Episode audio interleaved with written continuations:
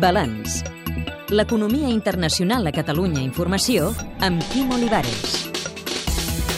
Aquesta setmana el Parlament d'Estrasburg ha aprovat condicions més estrictes de capital als bancs i per primera vegada limitarà una mica les primes dels directius bancaris.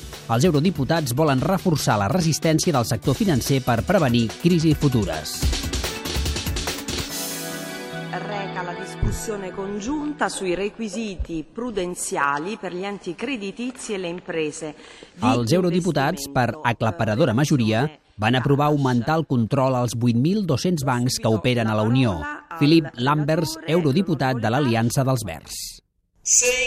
Afirmar que treballar en un mercat amb lleis és més car que treballar en un sense normes. I jo em preguntaria, més car per qui? Aquesta és la qüestió.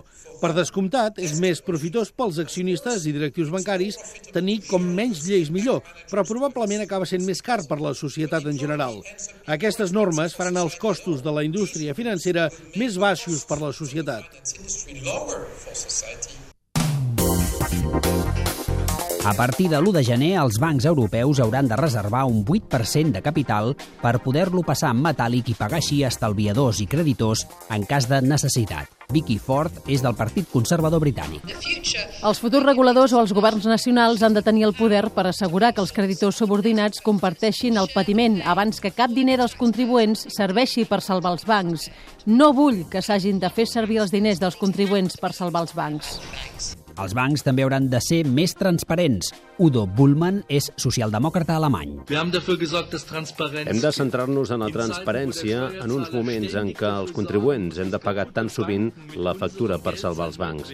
Les entitats financeres han de donar informació precisa, país per país, d'on treuen els beneficis, d'on treuen els subsidis i quines taxes paguen. Volem saber amb quina part dels nostres impostos s'han salvat els bancs. La reglamentació s'ha acordat malgrat la resistència de la indústria del ram i dels seus defensors. Els ministres de Finances van actuar en moltes ocasions com a sindicats dels grans banquers i els defensaven dient no feu això, afectarà l'economia. I tot el que podien fer per reduir l'endeutament dels bancs, la indústria s'hi va resistir amb ungles i dents. Els crítics asseguren que la normativa escanyarà més el crèdit a les pimes. Si no som prou hàbils en la transició, podem tenir conseqüències no buscades en l'economia. Però llavors no em deixaré alliçonar de com finançar l'economia real per gent com els nous caps del Deutsche Bank, perquè quan examines el balanç general d'aquest banc, el finançament de l'economia real representa el 18% del seu balanç general.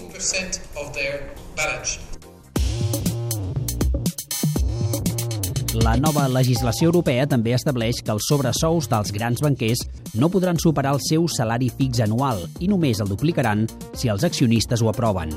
L'Eurocambra creu que un dels orígens de la crisi és que aquests directius van assumir riscos excessius.